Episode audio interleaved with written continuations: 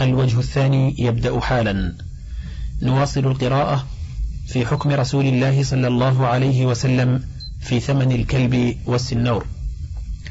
وقوله من رأى جميعها محللة أجاز كلام فاسد أيضا. فإن منافعه المذكورة محللة اتفاقا والجمهور على عدم جواز بيعه. وقوله ومن رآها متنوعة نظر هل المقصود المحلل أو المحرم كلام لا فائدة تحته البتة. فإن منفعة كلب الصيد هي الاصطياد دون الحراسة. فإن التنوع وما يقدر في المنافع من التحريم يقدر مثله في الحمار والبغل. وقوله ومن رأى منفعة واحدة محرمة وهي مقصودة منع أظهر فسادا مما قبله. فإن هذه المنفعة المحرمة ليست هي المقصودة من كلب الصيد.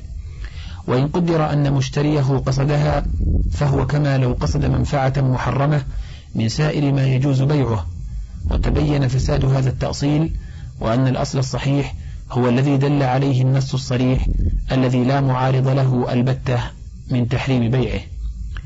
فإن قيل كلب الصيد مستثنى من النوع الذي نهى عنه رسول الله صلى الله عليه وسلم بدليل ما رواه الترمذي من حديث جابر رضي الله عنه. أن النبي صلى الله عليه وسلم نهى عن ثمن الكلب إلا كلب الصيد. وقال النسائي أخبرني إبراهيم بن الحسن المصيصي حدثنا حجاج بن محمد عن حماد بن سلمة عن أبي الزبير عن جابر رضي الله عنه أن رسول الله صلى الله عليه وسلم نهى عن ثمن الكلب والسنور إلا كلب الصيد.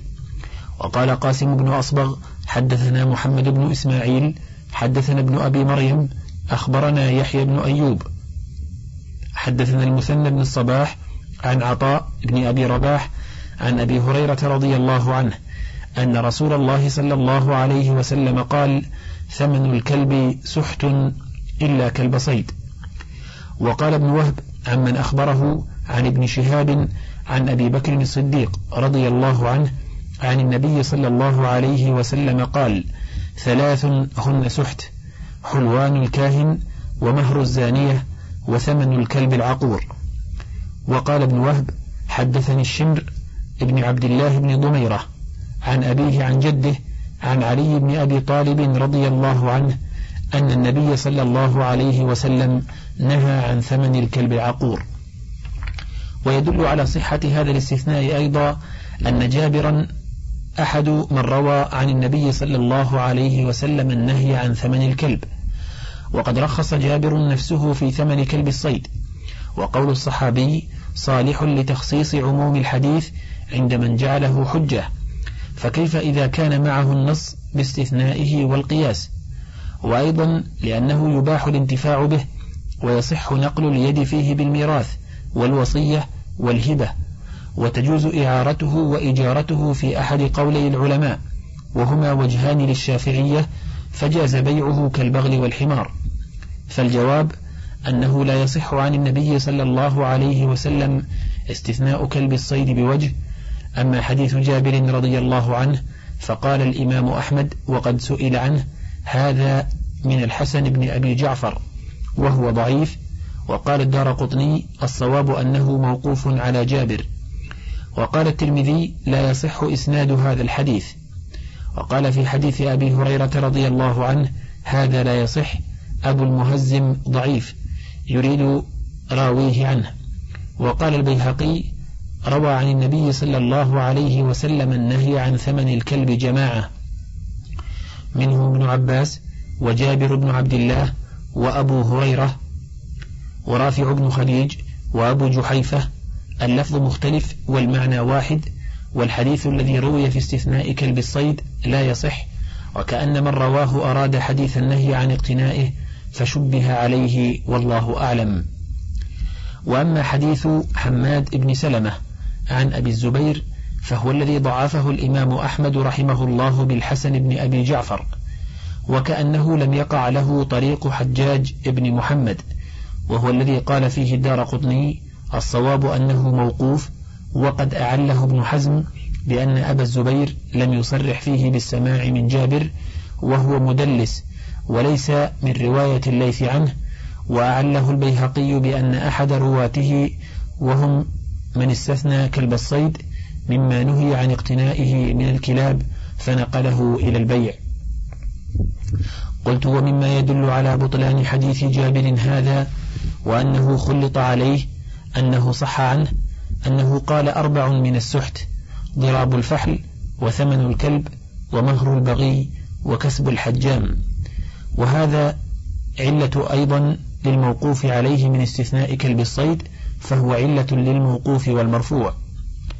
وأما حديث المثنى بن الصباح عن عطاء عن أبي هريرة رضي الله عنه فباطل لأن فيه يحيى ابن أيوب وقد شهد مالك عليه بالكذب وجرحه الإمام أحمد وفيه المثنى بن الصباح وضعفه عندهم وهو مشهور في الضعف يدل عليه ما رواه النسائي حدثنا الحسن ابن أحمد ابن حبيب حدثنا محمد بن عبد الله بن نمير حدثنا أسباط حدثنا الأعمش عن عطاء بن أبي رباح قال قال أبو هريرة رضي الله عنه أربع من السحت ضراب الفحل وثمن الكلب ومهر البغي وكسب الحجام. وأما الأثر عن أبي بكر الصديق رضي الله عنه فلا يدرى من أخبر ابن وهب عن ابن شهاب ولا من أخبر ابن شهاب عن الصديق رضي الله عنه ومثل هذا لا يحتج به. وأما الأثر عن علي رضي الله عنه ففيه ابن ضميرة في غاية الضعف ومثل هذه الآثار الساقطة المعلولة. لا تقدم على الآثار التي رواها الأئمة الثقات الأثبات. حتى قال بعض الحفاظ إن نقلها نقل تواتر وقد ظهر أنه لم يصح عن صحابي خلافها البتة. بل هذا جابر وأبو هريرة وابن عباس يقولون ثمن الكلب خبيث. قال وكيع حدثنا إسرائيل عن عبد الكريم عن قيس بن حبتر عن ابن عباس رضي الله عنهما يرفعه ثمن الكلب ومهر البغي وثمن الخمر حرام. وهذا أقل ما فيه أن يكون قول ابن عباس. وأما قياس الكلب على البغل والحمار فمن أفسد القياس بل قياسه على الخنزير أصح من قياسه عليهما. لأن الشبه الذي بينه وبين الخنزير أقرب من الشبه الذي بينه وبين البغل والحمار. ولو تعارض القياسان لكان القياس المؤيد بالنص الموافق له أصح وأولى من القياس المخالف له.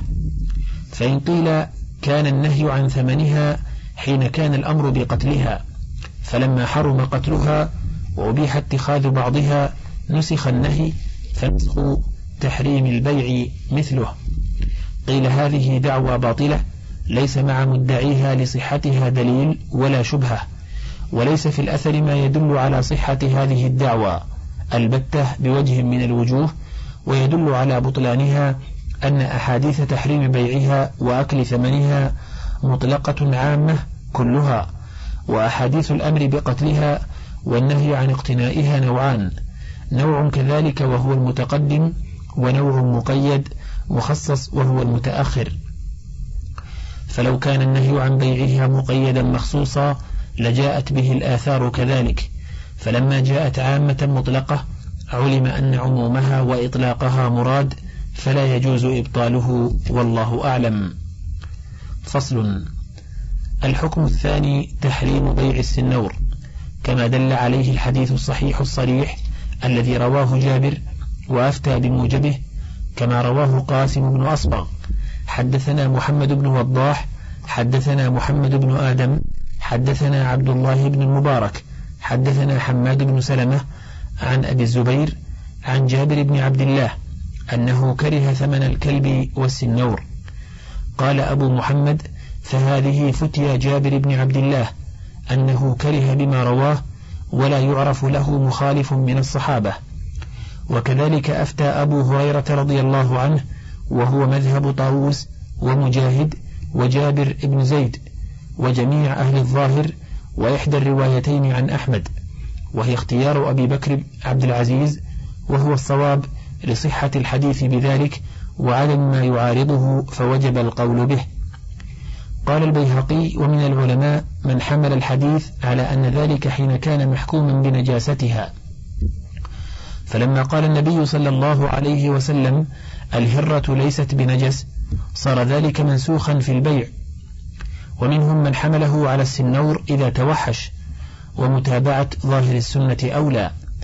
ولو سمع الشافعي رحمه الله الخبر الواقع فيه لقال به إن شاء الله وإنما لا يقول به من توقف في تثبيت روايات أبي الزبير. وقد تابعه أبو سفيان عن جابر على هذه الرواية من جهة عيسى بن يونس وحفص بن غياث عن الأعمش عن أبي سفيان. انتهى كلامه. ومنهم من حمله على الهر الذي ليس بمملوك ولا يخفى ما في هذه المحامل من الوهن. فصل. والحكم الثالث مهر البغي وهو ما تأخذه الزانية في مقابلة الزنا بها. فحكم رسول الله صلى الله عليه وسلم أن ذلك خبيث على أي وجه كان حرة كانت أو أمة ولا سيما فإن البغاء إنما كان على عهدهم في الإماء دون الحرائر. ولهذا قالت هند وقت البيعة أو تزني الحرة. ولا نزاع بين الفقهاء في أن الحرة البالغة العاقلة. إذا مكنت رجلا من نفسها فزنى بها أنه لا مهر لها. واختلف في مسألتين. إحداهما الحرة المكرهة والثانية الأمة المطاوعة. فأما الحرة المكرهة على الزنا ففيها أربعة أقوال وهي روايات منصوصات عن أحمد. أحدها أن لها المهر. بكرا كانت أو ثيبا سواء وطئت في قبلها أو دبرها. والثاني أنها إن كانت ثيبا فلا مهر لها وإن كانت بكرا فلها المهر. وهل يجب معه أرش البكارة على روايتين منصوصتين؟ وهذا القول اختيار أبي بكر. والثالث أنها إن كانت ذات محرم فلا مهر لها وإن كانت أجنبية فلها المهر. والرابع أن من تحرم ابنتها كالأم والبنت والأخت فلا مهر لها ومن تحل ابنتها كالعمة والخالة فلها المهر. وقال أبو حنيفة رحمه الله لا مهر للمكرهة على الزنا بحال بكرا كانت أو ثيبا فمن أوجب المهر قال إن استيفاء هذه المنفعة جعل مقوما في الشرع بالمهر وإنما لم يجب للمختارة لأنها باذلة للمنفعة التي عوضها لها فلم يجب لها شيء كما لو أذنت في إتلاف عضو من أعضائها لمن أتلفه.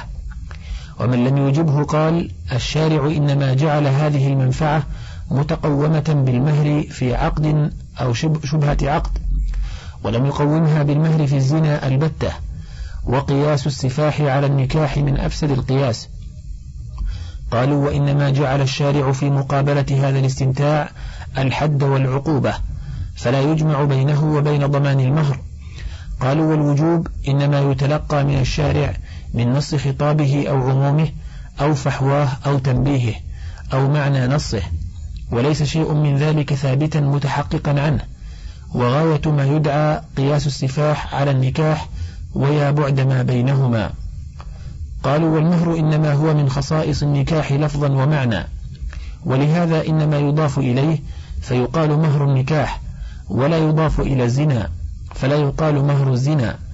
وإنما أطلق النبي صلى الله عليه وسلم المهر وأراد به العقد كما قال إن الله حرم بيع الخمر والميتة والخنزير والأصنام.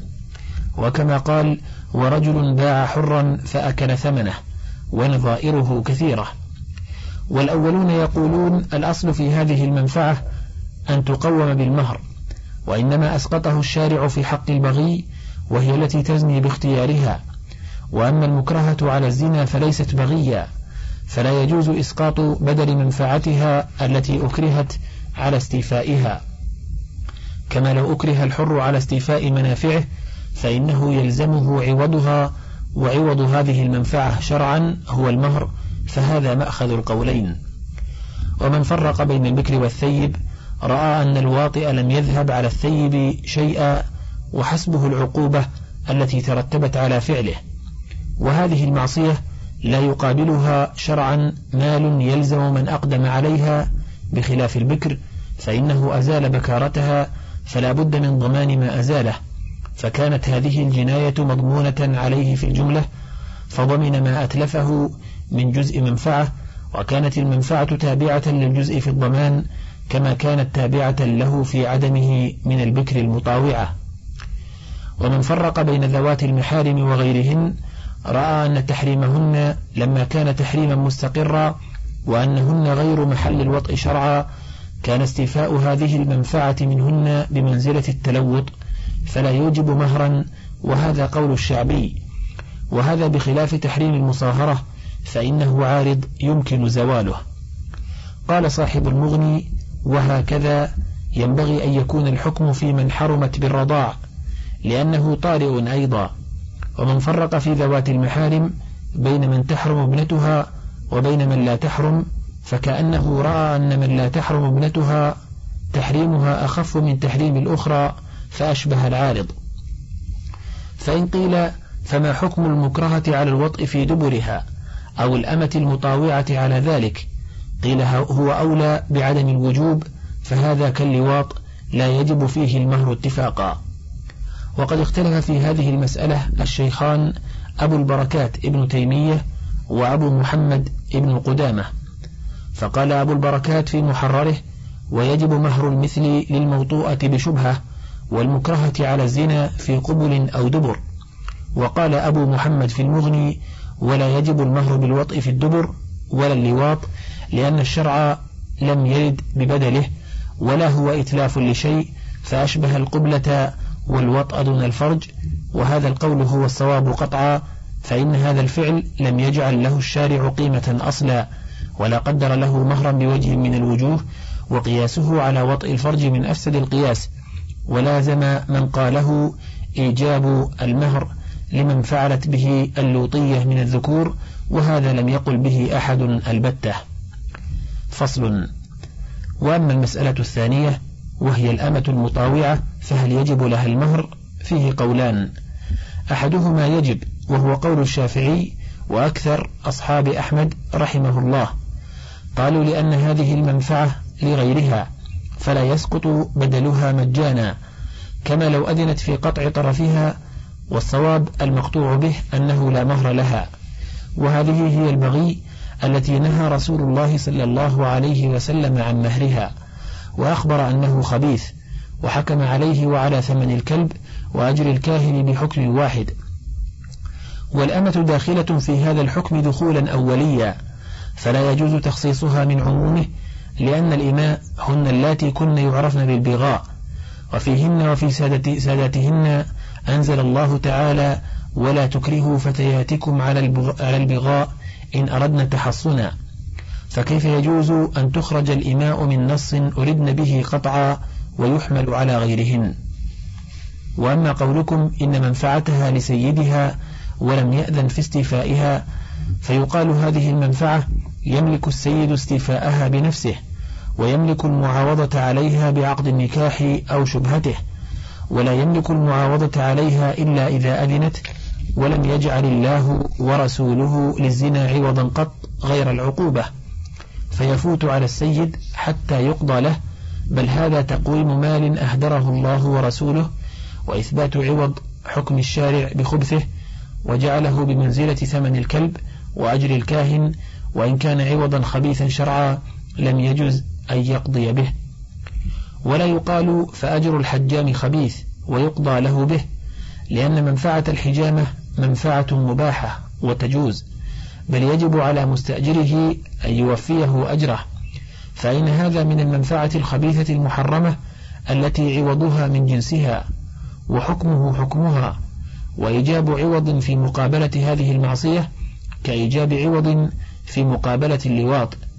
إذ الشارع لم يجعل في مقابلة هذا الفعل عوضا. فإن قيل فقد جعل في مقابلة الوطء في الفرج عوضا وهو المهر من حيث الجملة بخلاف اللواطة.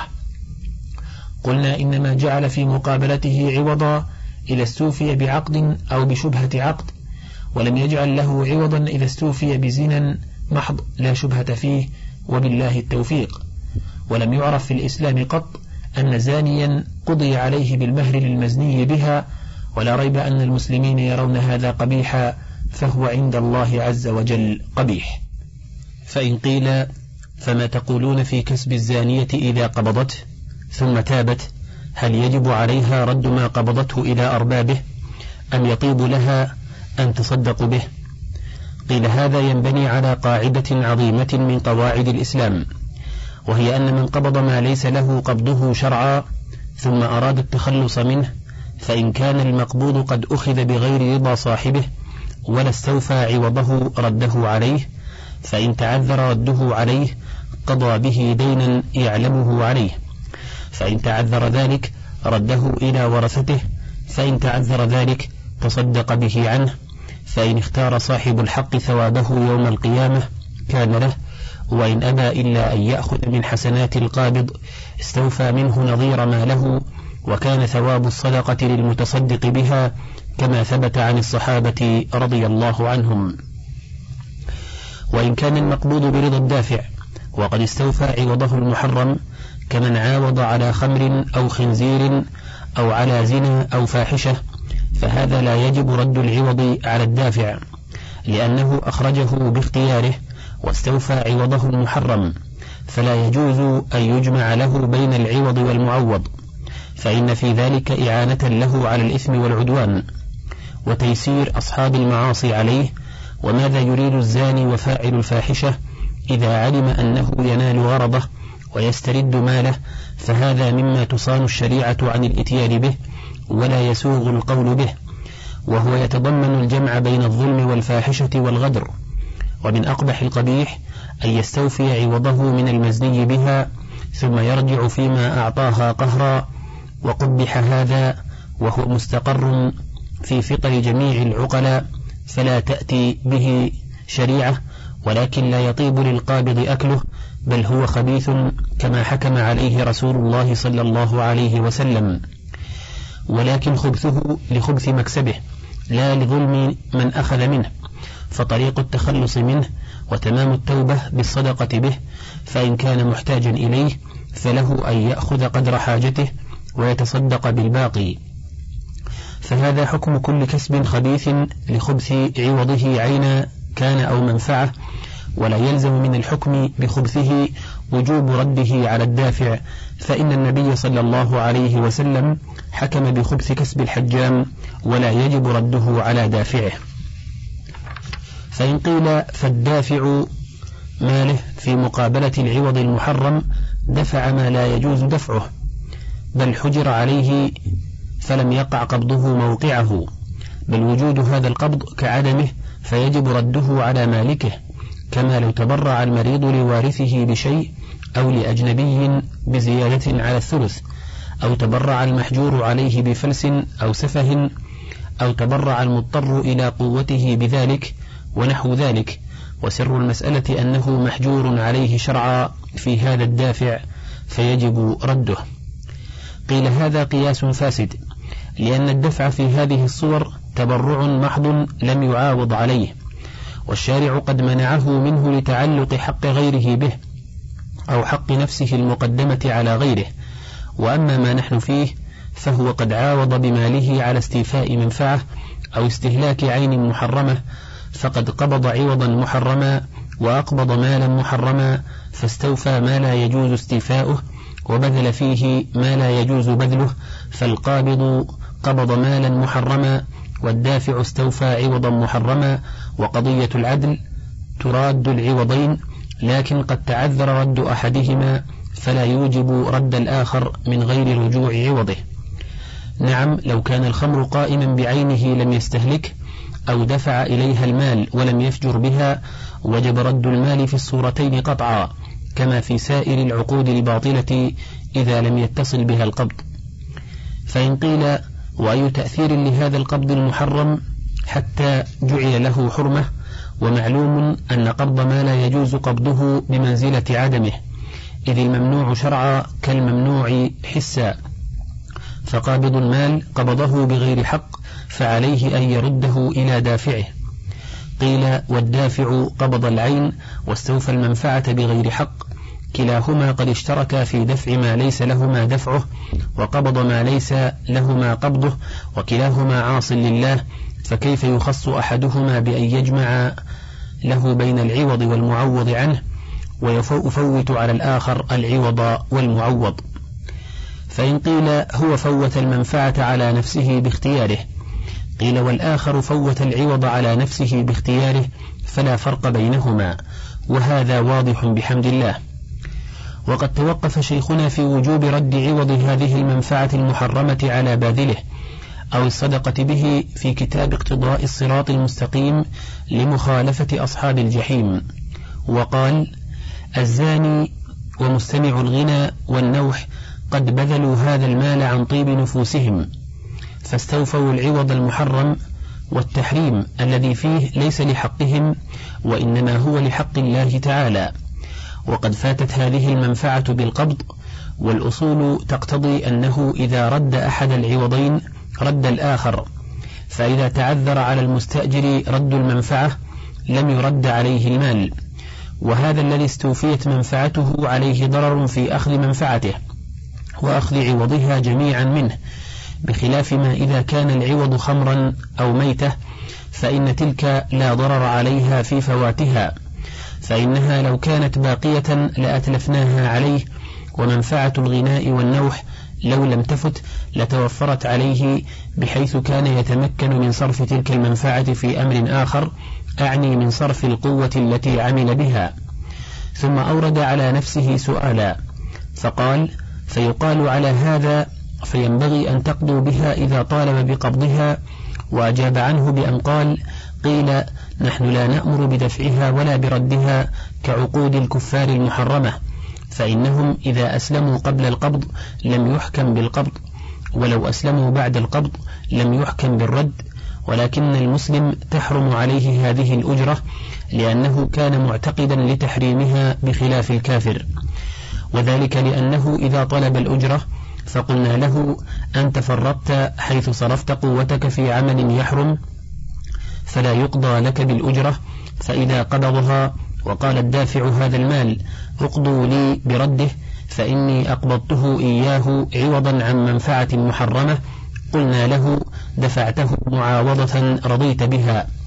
فإذا طلبت استرجاع ما أخذ فاردد إليه ما أخذت إذا كان له في بقائه معه منفعة فهذا محتمل. قال وإن كان ظاهر القياس ردها لأنها مقبوضة بعقد فاسد. انتهى. وقد نص أحمد في رواية أبي النضر في من حمل خمرا أو خنزيرا أو ميتة لنصراني أكره أكل كرائه ولكن يقضى للحمال بالكراء وإذا كان لمسلم فهو أشد كراهة فاختلف أصحابه في هذا النص على ثلاث طرق. إحداها إجراؤه على ظاهره وأن المسألة رواية واحدة. قال ابن أبي موسى وكره أحمد أن يؤجر المسلم نفسه لحمل ميتة أو خنزير لنصراني فإن فعل قضي له بالكراء وهل يطيب له أم لا على وجهين أوجههما أنه لا يطيب له ويتصدق به وكذا ذكر أبو الحسن الآمدي. قال إذا أجر نفسه من رجل في حمل خمر أو خنزير أو ميتة كره نص عليه وهذه كراهة تحريم لأن النبي صلى الله عليه وسلم لعن حاملها. إذا ثبت ذلك فيقضى له بالكراء وغير ممتنع أن يقضى له بالكراء وإن كان محرما كإجارة الحجام انتهى. فقد صرح هؤلاء بأنه يستحق الأجرة مع كونها محرمة عليه على الصحيح. الطريق الثانية تأويل هذه الرواية بما يخالف ظاهرها وجعل المسألة رواية واحدة وهي أن هذه الإجارة لا تصح وهذه طريقة القاضي في المجرد وهي طريقة ضعيفة وقد رجع عنها في كتبه المتأخرة فإنه صنف المجرد قديما. الطريقة الثالثة تخريج هذه المسألة على روايتين إحداهما أن هذه الإجارة صحيحة يستحق بها الأجرة مع الكراهة للفعل والأجرة والثانية لا تصح الإجارة ولا يستحق بها أجرة وإن حمل وهذا على قياس قوله في الخمر لا يجوز إمساكها وتجب إراقتها. قال في رواية أبي طالب إذا أسلم وله خمر أو خنازير تصب الخمر وتسرح الخنازير وقد حرم عليه وإن قتلها فلا بأس. فقد نص أحمد أنه لا يجوز إمساكها ولأنه قد نص في رواية ابن منصور أنه يكره أن يؤاجر نفسه لنطارة كرم لنصراني لأن, لأن أصل ذلك يرجع إلى الخمر إلا أن يعلم أنه يباع لغير الخمر. فقد منع من إجارة نفسه على حمل الخمر وهذه طريقة القاضي في تعليقه وعليها أكثر الصحابة والمنصور عندهم الرواية المخرجة وهي عدم الصحة وأنه لا يستحق أجرة ولا يقضى له بها وهي مذهب مالك والشافعي وأبي يوسف ومحمد وهذا إذا استأجر على حملها إلى بيته للشرب أو لأكل الخنزير أو مطلقا. فأما إذا استأجره لحملها ليريقها أو لينقل الميتة إلى الصحراء لئلا يتأذى بها فإن الإجارة تجوز حينئذ لأنه عمل مباح لكن إن كانت الأجرة جلد الميتة لم تصح واستحق أجرة المثل. وإن كان قد سلخ الجلد وأخذه رده على صاحبه هذا قول شيخنا وهو مذهب مالك والظاهر أنه مذهب الشافعي.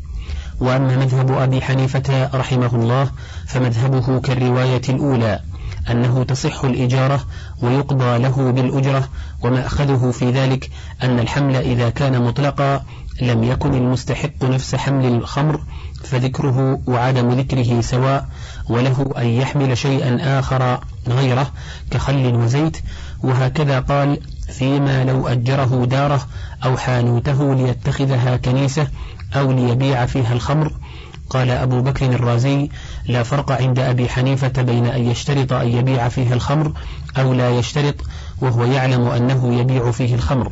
أن الإجارة تصح لأنه لا يستحق عليه بعقد الإجارة فعل هذه الأشياء وإن شرط ذلك لأن له ألا يبيع فيه الخمر ولا يتخذ الدار كنيسة ويستحق عليه الأجرة بالتسليم في المدة فإذا لم يستحق عليه فعل هذه الأشياء كان ذكرها وتركها سواء كما لو اكترى دارا لينام فيها أو ليسكنها فإن الأجرة تستحق عليه وإن لم يفعل ذلك. وكذا يقول فيما إذا استأجر رجلا ليحمل خمرا أو ميتة أو خنزيرا أنه يصح لأنه لا يتعين حمل الخمر بل لو حمله بدله عصيرا استحق الأجرة فهذا التقييد عندهم لغو فهو بمنزلة الإجارة المطلقة والمطلقة عنده جائزة. وإن غلب على ظنه أن المستأجر يعصي فيها كما يجوز بيع العصير لمن يتخذه خمرا ثم إنه كره بيع السلاح في الفتنة. قال لأن السلاح معمول للقتال لا يصلح لغيره وعامة الفقهاء خالفوه في المقدمة الأولى وقالوا ليس المقيد كالمطلق بل المنفعة المعقود عليها هي المستحقة فتكون هي المقابلة بالعوض وهي منفعة محرمة وإن كان للمستأجر أن يقيم غيرها مقامها وألزموه فيما لو اكترى دارا ليتخذها مسجدا فإنه لا يستحق عليه فعل المعقود عليه. ومع هذا فإنه أبطل هذه الإجارة بناء على أنها اقتضت فعل الصلاة وهي لا تستحق بعقد الإجارة. ونازعه أصحاب أحمد ومالك في المقدمة الثانية. وقالوا إذا غلب على ظنه أن المستأجر ينتفع بها في محرم حرمت الإجارة لأن النبي صلى الله عليه وسلم لعن عاصر الخمر ومعتصرها والعاصر إنما يعصر عصيرا. ولكن لما علم أن المعتصر يريد أن يتخذه خمرا فيعصره له استحق اللعنة. قالوا وأيضا فإن في هذا معاونة على نفس ما يسخطه الله ويبغضه. ويلعن فاعله فأصول الشرع وقواعده تقتضي تحريمه وبطلان العقد عليه. وسيأتي مزيد تقرير عند الكلام على حكمه صلى الله عليه وسلم بتحريم العينة وما يترتب عليها من العقوبة. قال شيخنا والأشبه طريقة ابن موسى يعني أنه يقضى له بالأجرة وإن كانت المنفعة محرمة ولكن لا يطيب له أكلها قال فإنها أقرب إلى مقصود أحمد وأقرب إلى القياس وذلك لأن النبي صلى الله عليه وسلم لعن عاصر الخمر ومعتصرها وحاملها والمحمولة إليه فالعاصر والحامل قد عاوضا على منفعة تستحق عوضا. وهي ليست محرمة في نفسها وإنما حرمت بقصد المعتصر والمستحمل فهو كما لو باع عنبا وعصيرا لمن يتخذه خمرا. وفات العصير والخمر في يد المشتري فإن مال البائع لا يذهب مجانا بل يقضى له بعوضه. كذلك هنا المنفعة التي وفاها المؤجر لا تذهب مجانا بل يعطى بدلها فإن تحريم الانتفاع بها إنما كان من جهة المستأجر لا من جهة المؤجر. فإنه لو حملها للإراقة أو لإخراجها إلى الصحراء خشية التأذي بها جاز. ثم نحن نحرم الأجرة عليه لحق الله سبحانه لا لحق المستأجر والمشتري. بخلاف من استؤجر للزنا أو التلوط أو القتل أو السرقة فإن نفس هذا العمل محرم لأجل قصد المستأجر. فهو كما لو باع ميتة أو خمرا فإنه لا يقضى له بثمنها لأن نفس هذه العين محرمة وكذلك لا يقضى له بعوض هذه المنفعة المحرمة. قال شيخنا ومثل هذه الإجارة والجعالة يعني الإجارة على حمل الخمر والميتة لا توصف بالصحة مطلقا ولا بالفساد مطلقا بل يقال هي صحيحة بالنسبة إلى المستأجر بمعنى أنه يجب عليه العوض وفاسدة بالنسبة إلى الأجير بمعنى أنه يحرم عليه الانتفاع بالأجر. ولهذا في الشريعة نظائر قال ولا ينافي هذا نص أحمد على كراهة نطارة كرم النصراني. فإنا ننهاه على هذا الفعل وعن عوضه ثم نقضي له بكرائه. قال ولو لم يفعل هذا لكان في هذا منفعة عظيمة للعصاة فإن كل من استأجروه على عمل يستعينون به على المعصية قد حصلوا غرضهم منه فإذا لم يعطوه شيئا ووجب أن يرد عليهم ما أخذ منهم كان ذلك أعظم العون لهم وليسوا بأهل أن يعاونوا على ذلك بخلاف من سلم إليهم عملا لا قيمة له بحال يعني كالزانية والمغني والنائحة فإن هؤلاء لا يقضى لهم بأجرة ولو قبضوا منهم المال فهل يلزمهم رده عليهم أم يتصدقون به؟ فقد تقدم الكلام مستوفا في ذلك وبينا أن الصواب أنه لا يلزمهم رده ولا يطيب لهم أكله والله الموفق للصواب. فصل الحكم الخامس حلوان الكاهن. قال أبو عمر ابن عبد البر لا خلاف في حلوان الكاهن أنه ما يعطاه على كهانته وهو من أكل المال بالباطل. والحلوان في أصل اللغة العطية. قال علقمة فمن رجل أحلوه رحلي وناقتي يبلغ عني الشعر إذ مات قائله. انتهى. وتحريم حلوان الكاهن تنبيه على تحريم حلوان المنجم والزاجر وصاحب القرعة التي هي شقيقة الأزلام وضاربة الحصى والعراف والرمال ونحوهم ممن تطلب منهم الأخبار عن المغيبات. وقد نهى النبي صلى الله عليه وسلم عن إتيان الكهان وأخبر أن أن من أتى عرافا فصدقه بما يقول فقد كفر بما أنزل عليه صلى الله عليه وسلم. ولا ريب أن الأيمان بما جاء به محمد صلى الله عليه وسلم وبما يجيء به هؤلاء لا يجتمعان في قلب واحد وإن كان أحدهم قد يصدق أحيانا فصدقه بالنسبة إلى كذبه قليل من كثير وشيطانه الذي يأتيه بالأخبار لا بد له أن يصدقه أحيانا ليغوي به الناس ويفتنهم به. وأكثر الناس مستجيبون لهؤلاء مؤمنون بهم ولا سيما ضعفاء العقول كالسفهاء والجهال والنساء وأهل البوادي ومن لا علم لهم بحقائق الإيمان. فهؤلاء هم المفتونون بهم وكثير منهم يحسن الظن بأحدهم. ولو كان مشركا كافرا بالله مجاهرا بذلك ويزوره وينذر له ويلتمس دعاءه. فقد رأينا وسمعنا من ذلك كثيرا. وسبب هذا كله خفاء ما بعث الله به رسوله من الهدى ودين الحق على هؤلاء وأمثالهم. ومن لم يجعل الله له نورا فما له من نور. وقد قال الصحابة رضي الله عنهم للنبي صلى الله عليه وسلم إن هؤلاء يحدثون أحيانا بالأمر فيكون كما قالوا. فأخبرهم أن ذلك من جهة الشياطين يلقون إليهم الكلمة تكون حقا فيزيدونهم معها مئة كذبة فيصدقون من أجل تلك الكلمة. وأما أصحاب الملاحم فركبوا ملاحمهم من أشياء أحدها من أخبار الكهان والثاني من أخبار منقولة عن الكتب السالفة متوارثة بين أهل الكتاب والثالث من أمور أخبر نبينا صلى الله عليه وسلم بها جملة وتفصيلا. والرابع من أمور أخبر بها من له كشف من الصحابة ومن بعدهم. والخامس من منامات متواطئة على أمر كلي وجزئي. فالجزئي يذكرونه بعينه والكلي يفصلونه بحدس وقراء تكون حقا أو تقارب.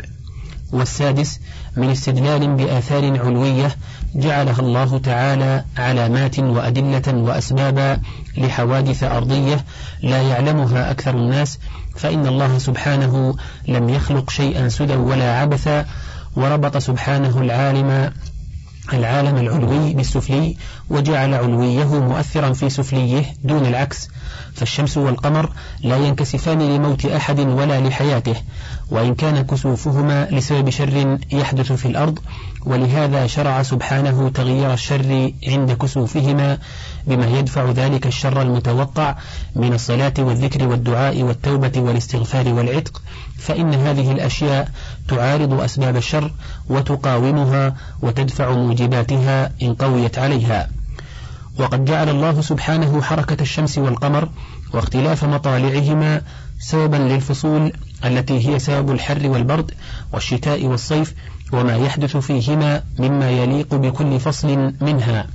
فمن له اعتناء بحركاتهما واختلاف مطالعهما يستدل بذلك على ما يحدث في النبات والحيوان وغيرهما.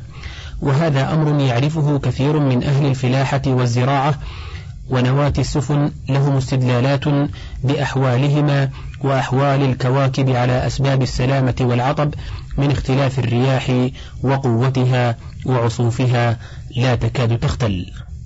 والأطباء لهم استدلالات بأحوال القمر والشمس على اختلاف طبيعة الإنسان وتهيئها لقبول التغير واستعدادها لأمور غريبة ونحو ذلك. وواضع الملاحم لهم عناية شديدة بهذا وأمور متوارثة عند قدماء المنجمين ثم يستنتجون من هذا كله قياسات وأحكاما تشبه ما تقدم ونظيره. وسنة الله في خلقه جارية على سنن اقتضته حكمته فحكم النظير حكم نظيره وحكم الشيء حكم مثله وهؤلاء صرفوا قوى أذهانهم إلى أحكام القضاء والقدر واعتبار بعضه ببعض والاستدلال ببعضه على بعض كما صرف أئمة الشرع قوى أذهانهم إلى أحكام الأمر والشرع واعتبار بعضه ببعض والاستدلال ببعضه على بعض. والله سبحانه له الخلق والأمر ومصدر خلقه وأمره عن حكمة لا تختل ولا تتعطل ولا تنتقض. ومن صرف قوى ذهنه وفكر فكره واستنفذ ساعات عمره في شيء من أحكام هذا العالم وعلمه كان له فيه من النفوذ والمعرفة والاطلاع ما ليس لغيره. ويكفي الاعتبار بفرع واحد من فروعه وهو عبارة الرؤيا فإن العبد إذا نفذ فيها وكمل اطلاعه جاء بالعجائب وقد شاهدنا نحن وغيرنا من ذلك أمورا عجيبة يحكم فيها المعبر بأحكام متلازمة صادقة سريعة وبطيئة. انتهى الشريط الستون من كتاب زاد المعاد وله بقية على الشريط الواحد والستين.